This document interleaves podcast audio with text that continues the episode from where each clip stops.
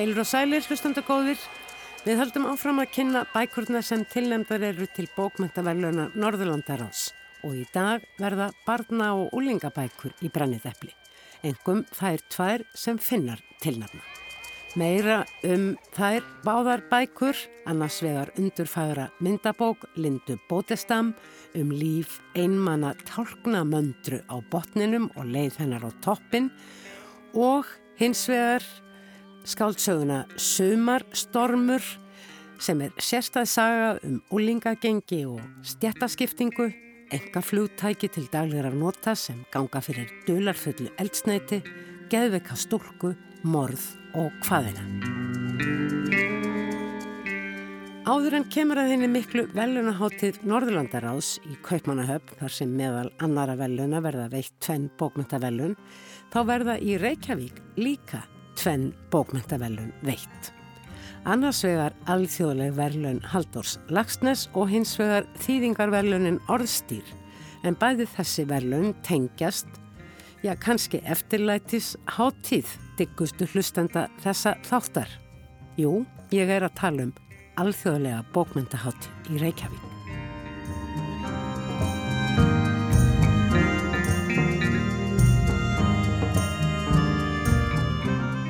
Eins og svo margt annað í okkar viðtekna lífi hefur hið fastmótaða skipulag alþjóðlegarar bókmyndaháttíðar í Reykjavík farið eilítið úr skorðum. Þessi vinsæla háttíð sem allt frá upphafi um miðjan nýjunda áratug síðustu aldar hefur meira og minna haldið sínu yfirbræði þrátt fyrir miklar breytingar á samfélaginu og þar með bókmyndalífinu. Það er eitthvað óviðjafnalegt við lifandi samfundi margra höfunda og margra lesenda. Vissulega hefði bókmyndaháttið átt að fara fram síðastlið vor en einhverju luta vegna fýsti þá fáa höfunda út í heimi að fara í ferðalög og það var heldur engin sérstakur áhugi hér á landi að taka á móti fjölda gesta. Nú er hins vegar stundin raunin upp, dagana 8. til 11. september verður háttíð í borginni. Ekki satt? Stella Sofía Jóhannesdóttir, framkvæmdastjóri bókmyndaháttíðar í Reykjavík. Já, sko, skul, það verður bókmyndaháttíð og, og háttíð lesanda 8. til 11. september og eigum vona á fjölmörgum höfundum, erlendum og íslenskum og margir þessara erlendu höfunda hafa einmitt komið út í íslenskri þýðingu þannig að mm. þetta er bara sangköllu veistla. Og sömur þeirra hafa meiri sé að komið áður á bókmyndaháttíð? Já, við höfum fengið svo marga frábæra gesti og stundum hafa þeir komið þegar þeir eru ungir höfundar að stíga sín fyrstu skref og svo koma þeir aftur setna orðnir miklar stórstjörnur í bókmyndaheiminum og það er akkurat tannig ár. Sasa Stanisik frá Þýskalandi hann kemur og nú mann ég náttúrulega ekki hvenar hann kom hérna síðast. Ég mann það ekki heldur en það var í tengslum við fyrstu bókans eða eina af allra fyrstu bókumans Hermaður gerir við gramofón sem var ju mjög vinsæl. Og nú er bókans uppbrunni komin út sem að eh, ekki síður hefur orðið vinsæl og fekk ju þýsku bókavellunin í fyrra eða hitti fyrra. Þannig að það er full ástæða til þess að fá hann hingað aftur fullþróska höfund. En voru enginn þessara höfunda eitthvað svona nervusir í tengslum við eh, ástandið eh, eins og það er búið að vera? Sko þetta er auðvitað búið að vera svolítið erfitt, þetta er svona, sko maður finnur það á höfundunum og líka bara, þú veist, lesandum hvað allir orðinir óþregi fullir eftir þessu mm. og, og það er auðvitað búið að leta á alls konar, fólk er farið að ferðast mjög mikið aftur við munum að sjálfsögðu fylgjallum sóttvarnar reglum og leifbenningum mm. en hátíðin hefur þennan dásamlega eiginlega að hún er ekkert ofbáslega stór og það er það sem gerir henn svona skemmtilega. Mm. það myndast þetta samband á milli lesenda og höfunda. Og svo er líka annað við bókmyndaháttíð í Reykjavík að hún hefur haldið í hefðirnar Hún hefur verið á ákveðnum stöðum, samtölinn við höfundana hafa farið fram í Norranna húsinu um miðjandag, síðan hafa verið upplestrar í Eðnó á kvöldin. Þannig Benjamin Stóttir, verkefnistjóri, þú ert að koma í fyrsta sinn að bókmyndahátti svona sem, hvað ég segja, starfsmaður. Hefur þú alltaf fylst vel með bókmyndahátti? Vistu, ég get ekki eins og logið að því ég hafi fylst neitt sérstaklega vel með bókmyndaháttíðinni. Ég hef verið erlendis uh, meir og minna síðustu ár, þannig að þetta er bara eiginlega mín fyrsta bókmyndaháttíð yfir höfuð. Þannig að þú kemur mjög fersk af þessu, hefur hún verið að koma með margar hugmyndir? Hún fann ég með alveg frábærlega ferska sín á hlutina en eins og þú bendir réttilega á þá eru við kannski svolítið íhaldsum. Til dæmis þessi samtöl á sviði, samtöl höfunda við aðra höfunda og við spyril, þau skipta rúslega miklu máli í dagskráni og svo eru þetta líka líkilatriði að heyra lestur höfundar á sínu eigin tungumáli. Við höfum að vísu verið að stitta lestrarna svolítið og einbit okkur kannski meira að þessum samtölum að því að þau geta verið svo lifandi en mm. alltaf lesi líka. Það er svo gott að heyra lestur og frummáli. Já, ég minnist þess að á síðustu bókmyndaháttið það voru gerðnan kannski fjórir höfundar, þrýr eða fjórir á sviði á samt svona einum stjórnandar sem er helt öllum við efnið og þeir svona bæði lásu og sögðu frá uh, sínum verkum og, síni tilveru sem höfundar. Já og þessi samtöl þau geta tekið svo óvænt og skemmtilega stefnu sko þegar að, að vel tekst til, mm. þegar að spirillin er góður að þá getur maður þá getur við hýrt alls konar óvænt. Mm. af hverju var þessi bók til? Hvað var ég að pæla því ég var að skrifa hana? Alls konar svona sem kannski mm. kemur ekkert endilega fram þegar þú ert með upplæstur höfundurum fær svo miklu betra tækifæri til að koma að sínum þangagangi En þetta verður á þessum stöðum sem ég nefndi. Heimahafnir, bækistöð bókmyndaháttir verður Norrannahúsið og Einu Já, Norrannahúsið á daginn og Einu á kvöldin og tjötnin skilur okkur að Eða tengir eða tengir. Sem verkefnastjóri eh, þannig ertu þá aðalega rótið í Excel-skjölum hvernig allt getur komið heim og saman með alla þessa höfunda og, og sækja þá og, uh, út á flugvöld og koma þeim í bæin og koma þeim fyrir hótelum og svo framvegs og svo framvegs. Já, mjög mikið Excel-skjölum í gangi, margra blaðsíðina Excel-skjöl og svo er ég tíðu gestur á Icelandair.is líka. En það er mjög fjölbreytt, fjölbreytt verkefni. Og þú ert alveg viss, Stella Sofía, þau koma öll, þessir eh, höfundar af utan. Það eru hérna nöfn sem að, uh, maður kannast vel við, uh, eins og hún Júrt uh, frá Noregi sem hefur júrnáð miklum vinsældum hér á, hér á landi og, og við höfum nefndan Sasa Stanisek og svo eru svona nýri höfundar sem að við höfum verið að kynast bara á allra síðustu árum eins og Helene Flót og Khaled Khalifa frá Sýrlandi, Leila Slimani sem að bók hennar vakti jú mikla aðtegli. Hér bæði barnagælin ekki síst í landi annara sem að kom bara út fyrir á þessu ári og ég heyrði að það væri jafnvel vona á ennýri bók eftir Leilu Slimani, eh, eh, svona feminískri bók, skreinasafnið einhverju þvíum líku? Já, það er bók uh, sem fjallar um Marokko og þetta er non-fiction bók, svona, já, fræðilegs eðlis og hún er að koma út í þýðingu Irmi Erlingsdóttur hjá Emmett Rick og það var svo gaman að geta, geta fengið leilustlík manni hinga vegna þess að hún er svo, svo fjölhæf sem höfundur að geta skrifa sko þessa ríkalegu, sálfræðilegu bók um þarna í barnagælu sem ég ætla nú kannski ekki að segja endilega mikið um hvað hún er en hún er mjög eiginlega bara mjög erfið aflestrar og mögnuð. Mm. og þetta er einmitt bóki sem hún sló í gegnum heimallan með. En svo er hún gaf út þessa bók í landi annara sem að Freyrik Rapsson þýtti og kom út á þessu ári eins og bendur á. Það er, það er eiginlega fyrsta bók í þríleik fjölskyldu saga sem byggir á sögu hennar eigin fjölskyldu og ótrúlega spennandi saga um Evrópu og tengsl Evrópu við annur lönd. Við höfum oft litið á heimstyrjöldina síðari sem svona stríðið í Evrópu, stóra stríðið í Evrópu og allar þjáningarnar en þetta var jú heimstyrjöld og það tók allur heimurinn þátt í henni. Já, stríðið tegði þetta ánga sína viða og einmitt ekki hvað síst til Norður Afríku mm. en titillin segir í raun og veru svo margt í landi annara og hann ásó vel við líka núna á þessum tímum. Það er margir núna í þeirri stöðu að þurfa að dvelja í landi annara kannski um ókomna tíð og komast aldrei aftur heim. Mm. Heima er einmitt orðið eh, svona eldfimt samfélagslegt hugtak og þið erum með nokkra svona samfélagslega áherslu á þessari háttíð. Og að því að þú nefnir orði heima þá erum við mitt að setja saman dagskráð þar sem fjallar akkurat um það hvað er heima og hvað er að vera heiman. Þetta er svo stór spurning mm. þessa dagana og kannski bara hugtak sem að þarf að endur skilgreina. Mér langar líka að benda á frábæran höfund sem að er að koma á háttíðina og það er Mónika Fagerholm, hún er finsk og skrifar á sænsku. Og fekk bókmyndvelun Norrlanda ráðs í fyrra hefði að koma í hörpu í fyrra. Akkurat, hún fekk nefnilega bókmyndavelu Norðurlandarás fyrir bókina Hver drap Bamba, Vem döðaði Bambi. Þetta er frábær bók, ég er búin að lesa hana mm. og eiginlega bara ætti hún að koma út á íslensku.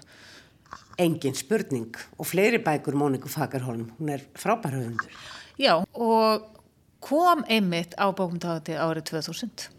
Og svo eru náttúrulega íslenskir höfundar eins og alltaf og uh, þeir eru hvað, í kringum tíu og bæði og sem búinir að vera að í langan tíma eins og Þóraðan Eldjáttn og Gerður Kristni en líka alveg kottnungir höfundar eins og Marja Elisabeth Bragadóttir. Svo líka gaman að sjá ljóðskáld eins og Margretti Lói sem er búin að vera lengi að en kemur alltaf fersk inn með reglulegu millibili?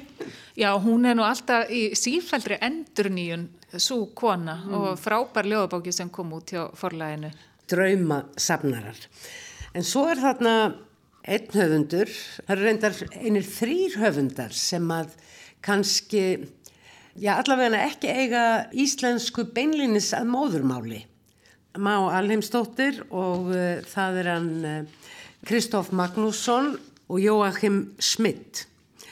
Kristóf Magnússon hefur nú komið hingað áður og hann uh, hefur hann ekki verið að þýða líka yfir á þísku íslenska bókmyndir. Jú, hann er mjög mikilverku, þýðandi, hann til dæmis hefur þýtt Íslandingasögur, Auði Jónsdóttur, Einar Kárasson, svo dæmis ég tekinn, mm. en svo er hann náttúrulega líka bara algjörlega stórsnjall höfundur sjálfur. Mm. Það hefur nú einbókans komið út á íslensku, svo hefur líka útvarsleikritið verið flytt. En Joachim Schmidt er svolítið sérstakur höfundur, er svolítið sérstakar stöðu Hann er líka Þískubergi brotinu að skrifa sín, sín verk á Þísku en hann hefur búið hér á landi lengri tíma og Ísland og, og fólk á Íslandi hefur verið svona viðfangsefni skáldverkans. Já, Jókim Smith hann er svisneskur með Þíska móðurmáli og hann hefur búið hérna í hvað henn 15 ár held ég og hann er gera mjög gott núna með skáldsögu sem heitir Kalman og sem er nokkus konar, hvað ég var að segja, þetta er skáldsögu í svona uh, svolítið eins og ef að Coen bræður hefðu skrifað Forrest Gump. Bó Einfaldur hugur og hryllingur. Já, eitthvað svolítið, akkurat. Og bóking gerist uh, á Rauvarhöfn og fjallar náttúrulega, það er morðmál og það er hérna svona hálgjara einfældningur sem að lendir þeirri stöðu að þurfa í raun og veru að leysa þetta mál og náttúrulega Jókim Smith verandi útlendingur eða afkomið maður á Íslandi þá hefur hann svona svolítið þessa fersku tveggja mm. heima sín á okkur landsmenn mm. og bara á allt umhverfið Og bók hans mun koma út í þýðingu í tækatíð? Erðu, hún er nú ekki væntalega í tækatíð en Bjarni Jónsson er að þýða þessa bók fyrir forlægið en við fáum hann að heyra Jókim bara fjalla um bókina og, og kannski lesa eitthvað upp úr henni líka mm. og þessi bók, hún er að gera það alveg opbóslega gott í, í útlöndum hann er á upplæstraferð í Þýskalandi og í Sviss núna í byrjun september og við fáum hann bara ferska með flugi hinga heim þegar hann er búin að hitta mm. fyrir alla þýskulesenduna sína en hún er líka kom út á fleiri málum mm. og þetta er eina af, eina af þeim bókum sem gekk hvað best hjá uh, í Sviss í fyrra þegar hún kom út og hann er ekki kom út hjá neinu slór forlægi Diogenes er útgefandinas í SIS og það er bara eitt af allra flottasta Áður en við komum að útgefendum sem eru náttúrulega líka hluti af bókmyndaháttíð langar mér til að minnast á þriðja höfundin sem er á svona mörgum. Svo kalla sig Má Alheimsdóttur og uh, hún passa nú aldeilis vel inn í þetta tema sem þú varst að tala um stella uh, heima og heimann. Hún er pólskað uppruna en skrifar á íslensku og hefur einmitt skrifað talsvert um heima og heimann. Akkurat, við erum eiginlega bara búin að vera að býða eftir þessum höfundi sem er sérst, aðfluttum höfundi sem byrjar að skrifa á íslensku. Við sjáum þetta í löndunum allt í kringum okkur, mm. sérstaklega eh, bara mjög öðvöld að nefna Norðurlöndin sem dæmi þar sem að Jónas Hassan Kemíri og, og fleiri sem er að skrifa á sænsku. Leila Slimani frá Fraklandi sem er líka gestubók og Sasa Stanisek sem er jú uh, frá Bosníu. Akkurat, náttúrulega best að nefna þess að höfundar sem eru núna. Eh, en nú er hún, þannig komin, þessi, já... Þessi, þessi, þessi fyrsti höfundar sem skrifar líka á íslensku. Það hafa komið fram á sjónasviði nokkrar höfundar sem hafa bröðið fyrir sig ennsku eða skrifað á sínu móðumáli og sömt hefur verið þýtt. En það hefur verið svona meira út á jæðrinum og nefni nú hérna óspressuna og alla þá virkni sem að, að þar hefur verið sérstaklega í sambandi við hvernhöfunda en nú verðist þessi lágróður allir vera verða einhvers konar trjám og runnum Já, ég laka mjög mikið til að, heyra hennar svona sín á, á hlutina mm. því að þetta er svo Þetta er bara svo áhugaverður, áhugavert sjónarhótt sem hún hefur. Á, hún er akkurat með þess að tvekja heima sín eins og líka Jóhann Kem Smith. Bara á annan hátt samt. Mm. Þetta eru fjóri dagar, uh, hvað, 8., 9., 10. og 11. Byrjum við bara strax á, hvað, er þetta ekki 50 dagur 8. Það er miðugudagur, við byrjum bara miðugudegi og og við erum svo hefbundin þetta bara byrjar allt í hérna setningin á ranna húsinu og, og hvaða höfundur mun flytja setningar á varpið Heyrðu, setningin verður það er, aðeins, það er ekki alveg ekki alveg eins og alltaf. Þetta verður möguleg ekki alveg eins og alltaf bara því aðstæðið þjóðfélaginu eru ekki alveg eins og alltaf. Þannig að við erum svona aðeins að, að slípa til og sjá hvað getur gengið upp en, en við bara hefjum leikin á kvöldagsgrá í inn og strax á miðugdænum og það er þá kvöldaskráið og miðugudag, fymtudag og föstudag. Svo er hátdeisdagskrá í Norranósinu uh, fymtudag, föstudag og lögadag og fram, fram á daginn. Mm. og svo er það verðlögnin sem að hafa tengt sig við alþjóðlega bókmyndaháttíð Reykjavík. Annars er hinn alþjóðlega Haldur Lagsnesverðlun sem að veitir höfundi Erlendum sem að uh, hefur, já einhverja tengingu í verkum sínum eða afstöðu og hjarta við verklagsnes eða íslenska bókmyndahefð og það var jú Ían Makkjúan sem að fekk þau fyrstur og enn sá eini ekki sagt. Jú, velunin verða veitt í annarskipti núna á hátíðinni. Og svo er það þýðingavelunin orðstýr. Það er náttúrulega ekki síður mikilvægt að við Eh, Íslandingar eða einhverjum sérlega íslenskir höfundar og lesandur út í heimi eigi góða að til að þýða af íslensku yfir og önnur tungumál. Þýðendur eru náttúrulega algjör að krafta verkamanneskjur og þýðendur íslenskra bókmynda og erlend mál eru sendiherrar, sendiherrar okkar, sendiherrar bókmyndana út í heim. Mm. Þannig að það er yndislegt að geta verðlun á þá. Og þau, þessi orðstýr... Uh, Þessi velun eru veitt núna í hvað fjörðasinn? Já, það var tveir þýðendur fengið í einu. Mm. Maður fyrir svolítið að rekna út þýðendur yfir á frönska að fengi velunin, þýðendur yfir á ennsku, yfir á norðurlandamál. Já, skildi það verða fiskumælandi þýðendur núna? ég má ekki segja það. Nei, ég veit, en maður spáir og spekulerar. Það hefur vendarlega ekki verið alveg einfalt að setja niður dagskrána endanlega. Hvað, eru höfundur ekki bara staðfesta komu sína nánast í þessum töluðum orðum? Jú, þeir eru einmitt að því akkurat í þessum tölu orðum þannig að dagskráni er svolítið fljótandi enn sem komið er og við erum bara, bara fljótu með og, og þannig að hún, hún verður, hún verður bara tilbúin á síðustu metronum mm. en hún mun sannlega byrtast á heimasíðinni áður en að hátíðin hefst. Verður ball?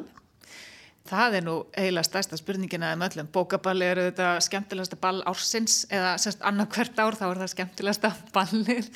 Við ætlum að, við ætlum að sjá hvað sóttvarnar eru völd segja mm. þegar hann nær dregur. Það má rikku balli með stuttum fyrir að vara ef leifi gefst. Þetta mun allt skýrast áður en langt um líður. Fylgist með á heimasíðu bókmyndháttíðar. Hvernig leggst þetta í því, Fanny Benjamin Stóttir? Ertu kvíðir, heldur þetta gangi? Ég er bara óbúslega spennt. Ég held að þetta verði mjög skemmtilegt. Ég hef búin að vera hérna að fá staðfestingapósta síðustu daga frá eh, höfundum og gestum sem að aldeilis ætla ekki að láta degan siga mm. og ég held að þetta verði bara frábær átíð. Takk fyrir Fanny Benjamin Stóttir og Stella Sofía Jóhannesdóttir. Fjöldi annara höfunda en nefndir voru í samtalinu við þar Stellu Sofíu og Fanny hér áðan koma fram á bókmyndaháttiðin allsmunu í kringum tíu erlendir og tíu íslenskir höfundar sækja Reykjavík heim og koma útlendu höfundarnir að minnstakosti frá jafnmörgum löndum. Heima síða bókmyndaháttiðar er nú óðum að taka á sig mynd, þar má nú þegar finna upplýsingar um höfundana og vonbráðar einni dagskrána í heilt.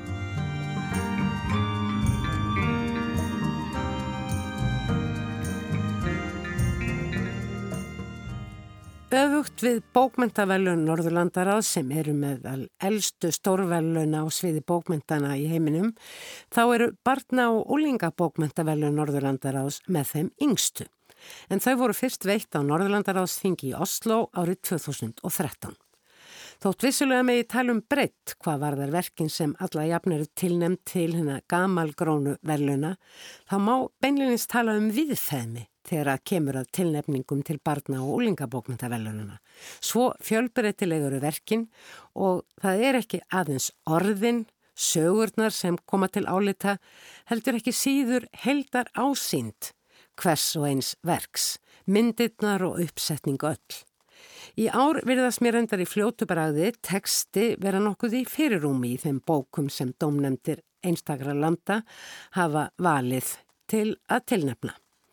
En eitt er ljóst að það er kappkostað að velja bækur sem höfða bæði til yngri og eldri lesenda, sem og þeirra þar á milli í aldri og þróska. Svo er það hinnar svo kalliðu ungmennarbækur sem að líka heyra til þessum flokki, sem höfða ofta ekki síður til fullorðingsfólks en þeirra yngri. Finnar tilnafna þessu sinni til barna- og ólingabókmyndavelunum Norðurlandaráðs annars vegar myndabókina Mitt bottenlíf af En ensam axolotl eftir myndgerðarkonuna og nú einnig réttöfundin Lindu Bóndestam. Linda er margvelunuð fyrir myndir sínar í bókum, engum fyrir börn, en lífmitt á botninum eftir einmanna tálknamöndru mun vera önnur bókin þar sem hún einnig semur textan. Hinn bókin sem finnar tilnefna er svo ætluð eldri lesendum, allt upp í ólingsár.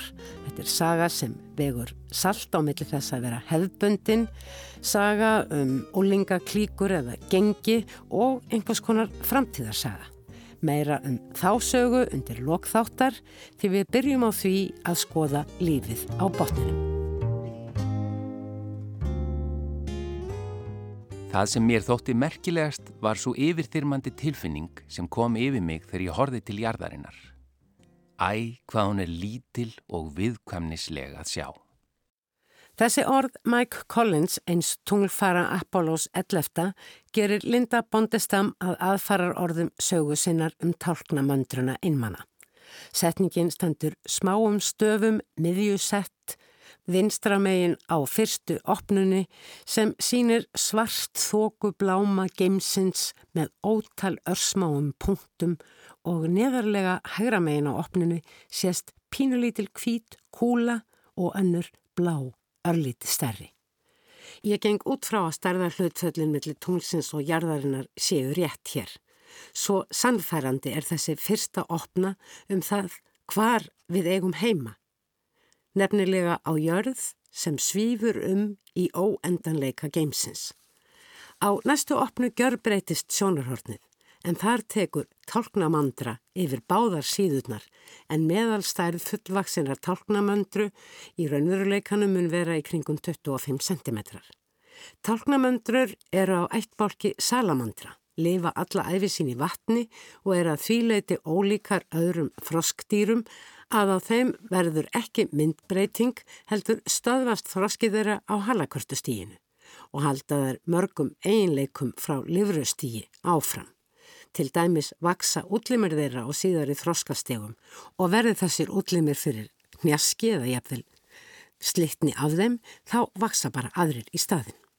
Þessi Wikipedia fráleikur um tálknamöndrur skiptir í raun ekki máli fyrir söguna sem Linda Bondestam segir og kannski ekki einu sinni svo staðrind að tálknamöndrur eru í bráðri útrýmingarhættu og á válista alþjóðlegu náttúruvendar samtakana. Linda Bondestam byrjar sögu sína á byrjunni. Jörðin er alveg ný fætt. Þar má sjá höf og lönd og allskinn smáverur sem skoppa um og sloka í sig. Andrumsloftið var fullt af alúð og ást. Smám saman fengu sumar verurnar dún og fjæðrir. Aðrar feld og bein og þeim læriðist að pípa og skrækja. Jörðin varð eldri og stöðugt bættust við ný dýr. Ákveðin dýr hurfu en mestu klunnarnir urðu fleiri og fleiri. Þegar hér er komið sögu er á opnunni borgarlandslega sjá. Há hús með allskynst ljósaskiltum, þekktra vörumerkja eins og til dæmis McDonald's, Coca-Cola, IKEA og fleiri og auðvitað er mikið af fólki á ferli. Meira segja móð þarna sjá konu með grímu fyrir vitunum. En svo gerðist álítið mjög leiðinlegt í fallega stöðuvatninu bak við turnin með glóandi hambúrgaranum efst á toppnum. Og á næstu opnu erum við einmitt komin að þessu stöðuvatni. Eða er þetta kannski bara lítil tjörn? Við erum jafnvel komin ofan í vatnið í þessari tjörn. Eða ofan í það sem eftir er af vatninu í tjörninni. Og þar heitum við fyrir litla tálknamöndru í sinni fyrstu sundferð.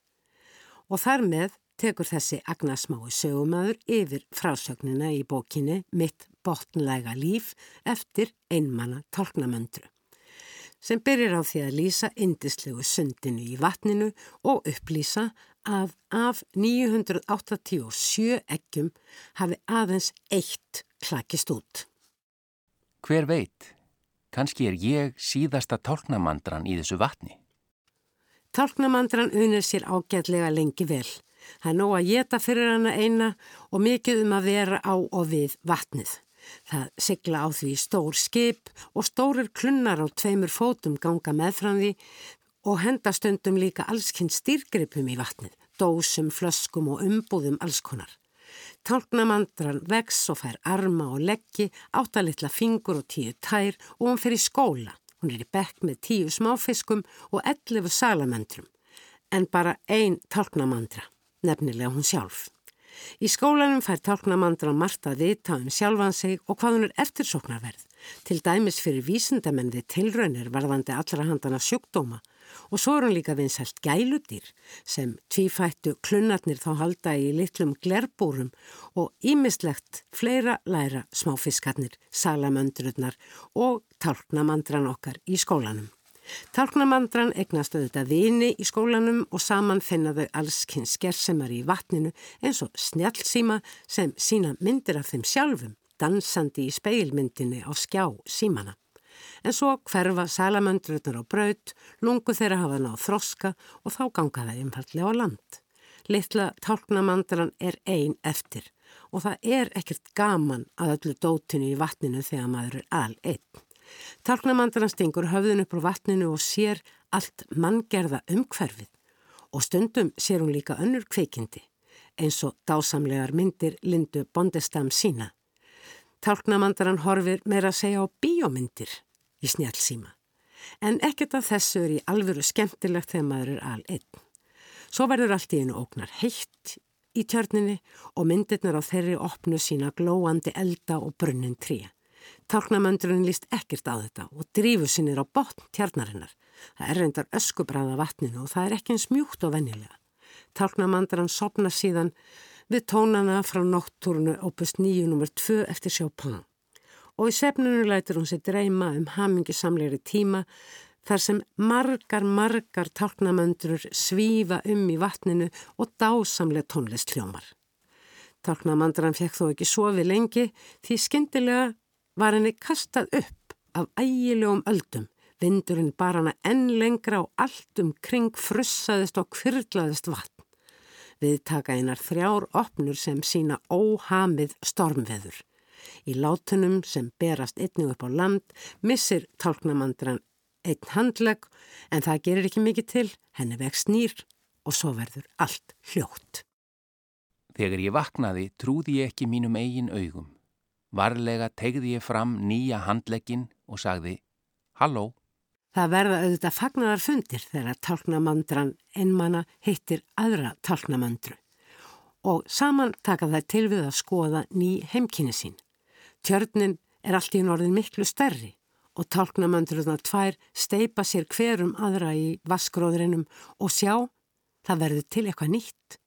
Því ekki líður á löngu, þar til tálknamöndurna tvær eru orðnar foreldrar 987 ofbóð lítilla tálknamöndru seiða. Með forvitnisbrosi syndu seiðin um og sveipluðu litlu hölunum sínum. Hvert tvífættu klunnarnir fóru, vissi engin og við hugsuðum ekkert um það. Bottlífið mitt var orðið að topplífi. Þar með líkur sögu Lindu Bondestam um einmanna tálknamöndruna, litríkri sögu um ástandjarðarinnar þar sem í raun ekkert er dreyið undan en jafnframt staðhæft að lífið finnur sér æfinlega farfið. Og þar gegnir samspil, mynda, teksta og tónlistar leikil hlutverki og að aðrir ferðist með manni í gegnum þetta líf. Þótt sagalindu bondistamsi einföld þá er hún líka marglaga í áðunemdu samspili mynda og texta sem og alúðarinnar, alvörunar og humorsins sem aldrei er langt undan. Undurfalli bókum, einmannaleika og umhverfsvá en líka um leiki, samskipti, tónlist og hvaðina eins og hver vill hverju sinni. Úlingasagan Stormsumarið eftir finska reytufundun Siri Enoranta kom mér nokkuð enkenlega fyrir sjónir og því meir eftir því sem á leið lestur þessarar tæplega 200 sína sögu sem er sögð fantasía en er það þó ekki. Allar aðstæður eru afar venjulegar þótt hvorki samskiptatæki snjall símin í tölfur kom við sögu. Helsta tekniníjungin í sögun eru svo kallu svif, einhvers konar bílar sem er flóið á milli staða. Frásögnin er viðbröðarík og stöðugt er stokkið fram og aftur í tíma. Aldrei er fyllilega ljóst hvort atbyrður gerðust með þeim hætti sem frá er sagt. Sögumenn eru fjölmarkir um atbyrði sem þeir sjálfur voru þó ekki viðstattir á meðan þeir sem hlutegað máli þeia þunnu hljóði. Bókin mun hafa nátt gífurlegum vinsaldum í Finnlandi, engum hjá eldri úlingum, það er þeim sem er að nálgast tvítökt, en aðalpersonasögunar eru hins vegar 14 og 15 ára. Það var mér nokkur léttir í skilningsleysi mín á þessari bók þegar glöggmanniska benti mér á að hér var á ferðinni saga sem heyrði til því senri bókmentana sem áð hefur miklu vinsaldum hjá úlingum og síðustu áratugum og kendir við gufupunk, steampunk einn af undirflokkum framtíðarsagna. Öðugt við cyberpunk eða cyborgir, einnig undirflokkur framtíðarsagna, þar sem í óræðri framtíð mannlegt umhverfu og atferðli allt hefur að stórum hluta verið tekið yfir af tölvum og gerfigreind, grundvallast gufupunk á mekanik sem dreifin er áfram af prinsipum gufuapsins og grunnstef mannlegra samskipta gerðnan sótt til Viktoríu tímans. Eitt af enkennum Guðupöngssagna mun vera að í samtímalegu umhverfi er afar frjálslega farin með það hvernig tæki og tækni öll hefur þróast. Talaður um retrofúturískan tíðaranda, fortíðar framtíð, hvað alla menningu, tísku, listir og leiki varðar í þessum sögum. Guðupönk byggir þannig á tímaskekkju eða anakronisma og þar geta komið sögur hlutir eins og gufu fallbissur, flugskip sem eru léttar en loftið sjálft, tölfur sem byggja á gamaldags hliðstæðri tækni og svo framvegis.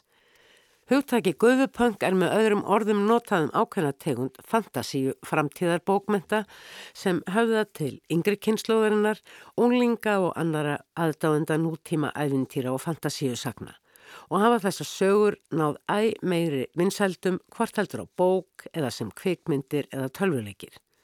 Þá er til þess tekið að Guðupöng-sögur gerist gerðnan í ennsku skotnu umhverfi. Skólar, jafnvel heimavistaskólar, eru oft sögusviðið og lítur samfélagið þar ströngum og innföldum grundvallareglum sem allir fylgja. Ekkert með ótakmarkað frelsi og rétt einstaklingsins eins og mikið er hend á lofti í okkar svo kalluðu vestrænu frjálsu samfélögum nútildags. Allt margt í þessum skilgreiningum á við skáldsöguna Storm Saumarið eftir Siri Enoranta sem finnar tilnafna árið 2021 til barna og úlinga bókmentavellunar Norðurlandaráðs. Storm Saumarið er viðburðarík saga að sumuleiti haganlega skreifuð, málfærrendar allt svo liti gamaldags og framvindan eins og áður sagði talsvert rugglingsleg. Í forgrunni sögunar eru átök innan og á milli úlingagingja í 200.000 manna smábæ. Átök sem endur spekla samskiptina fullornu í ímynduðu samfélagi flugborgarinnar Queenbridge sem er nútímarlegasta borg landsins og vakka orkubildingarinnar eins og segir í upphafi. Þegar gengiðir yfir götur þeirrar borgar er ekki aðeins gott að líta til hægru og vinstri heldur líka upp Því í flugborginni ferðast allir sem eiga peninga um í svo kallunum svefum, einhvers konar flíildum sem verðast geta tekið á loft og lent nánast hvar sem er. Það sem helst er sérstakt við þessi svef, eins og ég þýði hér sannska orðið svefari, er eldsnettið, svo kallað indigo. Um indigo hefur lengi mátt lesa um í fornum handritum í þessu samfélagi en enginn hafði hingað til trúað að neitt væri á því að byggja.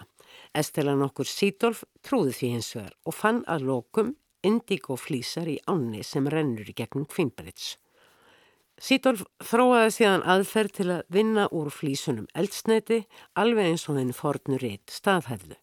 Hvernig þessi vinsla fer fram er hins vegar lendarmál enda grundvallast til mikla viðskiptaveldi Estelu á þessu lendarmáli og áallar hún að breyða þótum alla heimsbyggð. Það fylgir endar böggul skamrifi því þegar þetta eldsneiti brennur verður það að ofur þýtni ösku, slaggi sem dreifist um allt. Þetta svo kallaða slagg er auðvitað kvimleitt en fólk lætur sig hafa það því það svo anskoti flott að ferðast um á svifum auk þess sem Indigo framleiðsla Stilt of Company er efnahagslega mikilvæg. Ekki þótt valið að ráði við þetta mengunar vandamál í sögunni en undir lokin lofar frúin að láta rannsaka málið. Það er einn 14 eða 15 ára gamli Andrew sem að mestu leiti leiðir í gegnum söguna. Andrew er nýfluttur til Queenbridge með foreldrum sínum og tveimur yngri sisturum. Sálfræðingurinn fadur hans hefur fengið þar vinnu vegna þess að óvinni mörg börn og úlingar í Queenbridge eiga við andlega erfileika að etja sem sumir vilja meina að sé slagginu að kenna á þess að nána sé farið út í það. Þegar sagan hefst hefur Appleton fjölskyldan búið í Queenbridge í hálft ár og úlingurinn Andrew gengið þar í skóla. Nú er sömarfríði byrjar og það virðist ætla að verða heilt og tíðindalöst en það Andrew auglustlega ekki búin að eignast neina vini. Hann hefur átt augun hjá sér vissulega og fylst með úlingunum jafnöldurum sínum og hvernig þeir skipta sér á milli tveggja gengja. Sótvangjana annarsvegar og hrútbakana hinsvegar. Í sænskri þýðingu á finska frumtekstanum kallast síðarnemda gengið bakkar og það er veld vöngum hvort nafnið hafi með söðfje eða skjaldbökur að gera. Mér kom reyndar strax í hug persóna úr Hobbita Tolkiens. En höldum okkur við stormsumarið. Andrew var fljótur að átta sig á því hvaða torg og gardar tilheyriðu sótvængjónum annarsvegar og hrútbökunum hinsvegar. Engin vissi hvort nafni tengdist söðfje eða skjaldbökum. Hrútbökunar vissu greinlega ekki sjálfur hvers vegna fyrsti fóringi þeirra hafi geðið þeim þetta nafn og reyndi einhver að gera grínaði, hlóðir með viðkomandi um leið og þeir gáðu honum einn á lúðurinn. Sótvængir gengu allir í Queens mentaskólanum en hrútbökurnar í Queens yðnskólanum. Andrew hafi komist inn í mentaskólan því starfsfélagi föður hans þekkti rektorinn og hafi fengið að greiða skólagjöldin með afborgunum. Það hafði munað mjóu að Andrew hefði farið í yðnskólan og þá hefði hann aldrei getað orðið hluti af sótvængjónum. Hann fekk í magan þegar hann hugsaði til þess.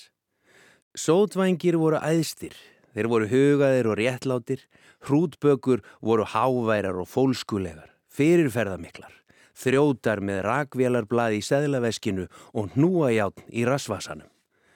Bæði gengin töldu nokkra tugi félaga. Þau sem heyrðu til kvorugu genginu nutu yngrar aðtikli en gáttu samt ekki verið örug og kæmi til vandræða var hver sjálfum sér næstur.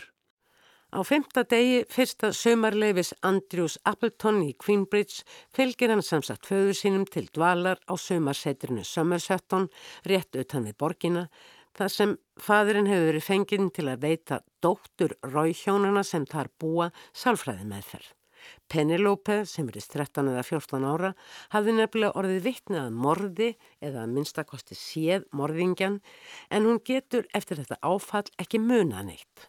Fóreldrum Penelope, engum móður hennar amöndu, er mikið í mun að morðingin finnist. Enda hinn myrti mikilsverðu starfsmaður Stildoff Companies og Amanda Roy er góð vinkona og hægri hönd Estelu Stildoff, eiganda fyrirtækisins. Láreglunni hefur ekkert orðið ágengt í málinu en það stiður hún þá rauðu eins og Amanda útlistar þegar þeir feðgar eru nýkomnir á Somersetton setrið. Þetta rauða pakk sem á ekki til nokkra djörfung. Í staðin fyrir að kvarta yfir því að gamaldags vinnu aðferðir hverfi ættu þau að hoppa um borði í lest hins nútímalega eða upp í svif, segir Amanda og hlær. Andrew hafi stundum heyrt foreldra sína tala um þá rauðu. Pappi hans hafi sagt að rétt væri að bjóða þeim stuðning í þessu millibils ástandi, möguleika á nýjum störfum í stað þeirra gömlu sem hörfu með indígóvæðingunni. Mömmans fannst óréttlátt að Estella Stídolf skildi ekki ráða heimamenn í versmiður sínar, heldur engungu ódýrt útlend vinnuafl. Ekki staldra sérstaklega við þessi samfélagsátök frekar en önnur í sögunni og Andrjú er einfallega heiminleifandi að dvelja sömarlangt í Somersetton. Því það gefur honum tækifæri til að vera daglega í návist eldri bróður Penelope, sá heitir Joseph eða Joss og er ekki aðeins fóringi sótvangjana heldur líka fallegasti ungi maður sem Andrjú hefur augum litið en svo ljóst verður snemma í sögunni. Þegar Andrew sá Joss í fyrsta sinn stóð Joss umkringdur sótvængjum á lóð skólans. Joss var í sama árgangi og Andrew en í öðrum bekk, dökkhærður með langa fingur og léttur í fasi. Augu hans, sem kannski voru frekar nástæð, gerðu að verkum að hann virtist alltaf svo litið pyrraður eða var það fóringjar hlutverkið sem kvíldi svo þungt á honum. Börnin tvö og lingarnir í samansettan eiga sér auðvitað föður en við hvað hann starfar var þeim lesanda sem hér talar aldrei ljóst. Hann er bara þarna og grýpur stundum inn í uppbeldi hinn að forðið ekkurðu sískina sem virðist helst ætlað að gera úr þeim framapótara með listræna hæfileika en að öðru leiti virðist fadurinn vera einhvers konar selskapsdama. Auk fjölskyldunar er á heimilinu þjónustu fólk sem og þrýr vinir Joss, þau Mabel, Raymond og Thomas. Finnemdu tvö eru sótvangir en Thomas á eftir að výjast með tilirandi verkefni eins og Andrew reyndar líka.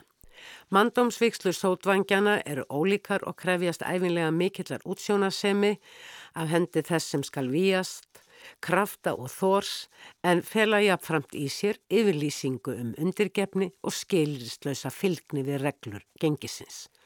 Öll samskipti í þessum afmarkaða sömar heimi á Summer Sutton felast í átökum og lingagengin tvö takast á, það kemur jafnvel til átaka innan hvors gengis fyrir sig og sískinin Joss og Penelope takast á.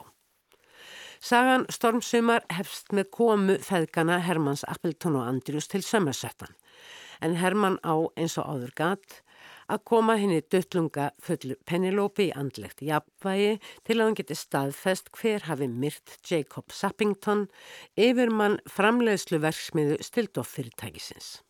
Fljótlega er svo tekið til við að stökva aftur til atbyrða sem áður gerðust og hafa byggt upp þær aðstæður sem nú ríkja á Somersetton heimilinu. Það er eitthvað að í sambandinu millir sískinna Joss og Penelope. Penelope hafði nefnilega klagað bróður sinn fyrir föðurnum vegna kort sem aldrei verður almennilega ljóst um hvað snýr en er mjög alvarlegt greinilega. Fadurinn hegnir Joss með stofufongelsi sem fælst í því að hann má ekki yfirgefa sötnansetrið. Og þessa verður að hefna. Og hendin fælst í því að sýstirinn skuli lokka nýjan fóringja skjaldbakana, Sidney nokkur Lewis, upp í sveif og dvelja þar ein með honum í ákveðin afmarkaðan tíma. Standist hún þessa raun verði allt gott aftur á milli sískinuna. Fjölmarka steyttri frásagnir sem sögun út í gegnir skotið inn í megin frásögnina tengjast þessu verkefni Penelope. En einnig fyrir samskiptum þeirra Sidneys. Þau hafa laðast hvort að öðru en bæði leika á hljóðfæri í klassískri ungmennarhljómsveit bæjarins. Auk þess fær lesandin ófáar og afar dramatískar frásagnir um tónlistarhæfileika og nám sískinina á því sviði. Joss spilar eins og engil og piano, reyndar er það hinn ástsjúki Andrew sem segir ítrekkað frá þeim dýrðar flutningi. Penelope æfir sig hins vegar að mikill gleði á selóðu sitt en besti tónlistakennari landsins vil samt ekki taka hennin í hóp efnilegra tónlistanema sem hann kennir og stiður á framabröð. Atvikið veldur Penelope hugarangri sem augljóslega hefur sín áhrif á óstöðugt geðslæðanar. Ómögulegt er í stuttu máli að gera grein fyrir öllum þessum hliðarsögum sem alls ekki alltaf er ljóst hvernig tengjast heldarsögunni sem ég kýs að sé áðunemt morðmál og laust þess en líklega má lesa þessa sögu með allt öðrum áherslum. Penelope fer samsagt með Sidney Lewis upp í svefið að skipa hann bróður síns og gegnir svo atbyrðar ás leikil hlutverki í mordmálinu. Ljóstir að í svefinu þar sem Sidney og Penelope eru al einn gerist eitthvað sem ekki hefði átt að gerast. Penelope flýr eftir það að vettvangi og leið sinni burt gengur hún fram hjá versmiðinu þar sem morðið á Jacob Sappington hefur rétt í þessu átt sér stað og hún verður veitni að eða að minnstakosti sér hún morðingjan hraða sér á brott. Já, eða ekki, því kannski var það sem gerðist með sittni í svifinu ástæðan fyrir óhamingi hennar. Að minnstakosti fór þann lesanda sem hér talar að gruna að uppnám Penilópu mætti rekja til kynferðislegs ofbeldi sem sittni beitir hana í svifinu. Penilópu segir aldrei frá því sem gerðist. Félagar í sótvangjunum vita hins vegar nákvæmlega hvernig Sidney hefur bundið Penelope og haft í frammi við hann og óvíður kvæmilega ratafnir. Frásagnir úlingana stangast ekki beinleginis á og við yfirherslu sótvangjana viður kennir Sidney að hafa hegðað sér illa. En Penelope hafi líka átt sinn þátt. Penelope þeir hins vegar allan tíman og verður ekki fram hjá því litið að hryllileg og ofbeldisfull refsing sittni eða hemdin sem sótvangirnir koma fram vegna mengtrar framkomu hans, sótvangirnir voru ju ekki viðstæðir það sem gerðist, grundvallist á músefjum. Hemd er reyndar gegnum gangandi ófrávíkjanleg í samskiptum gengjana tvekja og enginn má nokkru sinni sína á sér veikan blett. En svo heyra má þá er ekki auðvelt að átta sig á framvindu og orsaka samhengi sögunar stormsumar eftir Sýri en á Ranta. Sagan er sögði þriðju personu er Andrjú oftast frásagnamiðjan. Andrjú verðist lengst af aðtögull og yfirvegaður ungur piltur sem á sér enga ósk heitar en að verða náinn vinur Joss jafnvel elskuði hans. Hann er þó aldrei reyfaafl í sögunni en það er hann sem reynir að átta sig á því hvernig hlutinni tengjast sem og sögurnar sem hennar ymsu personur kasta fram. Hann verður því sá sem lesandin samsama sig við, enda er lesandin í sömu spórum og hann. Hann fylgist með, grýpur á lofti setningar og frásagnir, augna tillit og tónfall og reynir að púsla saman. Undir lokin er þó graðið rækilega undan trúverðuleika Andrjús, þannig að púslinn eru aftur komin í haug. Var það eftir allt saman alls ekki morðingin sem Penelope sá? Var það Andrew sem hún sá? Og var það hann sem sá morðingjan? Eða er hann slís, óhapp, engin veit? Síðan á sér stað annað morð. Önnur manneska er skindilega ekki lengur til. Það var íþingjandi að vita það sem Andrew vissi nú um Joss hvernig hann hafði fórnað Penelope. Kanski var það líka íþingjandi fyrir Joss að vita sannleikan um Andrew. Það var íþingjandi að hugsa um mannin sem hafi heitið Isaac Walker og Andrew hafði ekki vitað að væri til fyrir en sá var skindilega ekki lengur til. Það var íþingjandi að vita hversu blóðuar hendur Andrews voru. Stormsumar eftir Siri Enoranta er eins og sagði upphafi saga um átök og lingagengja og í þessum átökum er engin afsláttur gefin hvað var það sveik, valdbeitingu og leikaraskap án þess að nokkur tilgangur sé beinilinn sínilegur með þessum átökum. Um leiður þetta saga um við hvað maður huga og heitar tilfinningar úlinga, ást á tónlist, skálskap og fárun hlutum. Og svo er það heimur hérna fullornu, mettaður græðki og valdnýðslu og sem líkt og hjá úlingunum er vandlega dullbúið í léttleika og leikaraskap. Svo læra börnin sem fyrir þeim er haft geti verið yfirskrift gaggrinnar umfjöllunar um bókina Storm sömar eftir Siri en og Ranta. En svo einfalt getur það vartla verið. Í sögun er tæft á mörgum hlutum. Óriðlæti í samfélaginu mikilvægi lista, mengun og fleiru og fleiru. Flest fær frekar snubbóta afgræslu. Í raun er næsta ómögulegt að átta sig á hvað höfundur er að fara með sögunni af þessu haminguríkasta sömri í lífi Andrjús og því versta í lífi Penelópi. En kannski er þessi niðurstaða einfallega vittnisspurður um sambandsleysi mitt við þessa sögu og personur hennar. Að lestur í loknum hafði ég á tilfinninguna hafa dvalið sumar langt í Somersetton þar sem ótal personur flögruðu um og sögðu frá ímsu, ímist kvíslandi eða kvæsandi en slendruðu svo út í annað hort garðsins eða yfirgáu herbergið áður en viðkomandi frásögn hafi fengið sinn enda punkt eða svarað einhverjum spurningum. Eins og hvað er hér eiginlega að gerast? Af hverju er verið að segja þessa sögu? skiptir máli að vita það til að njóta sögunar. Ég veit það ekki, en eitthvað hlýtur að vera við söguna Storm Sömar eftir Siri Anorante, jafn vinsæl og vellaunuð og hún er. Fleiri verða orðum bækur ekki að þessu sinni. Tæknimaður var Lítiða Gretarstóttir. Takk fyrir að hlusta, verði sæl.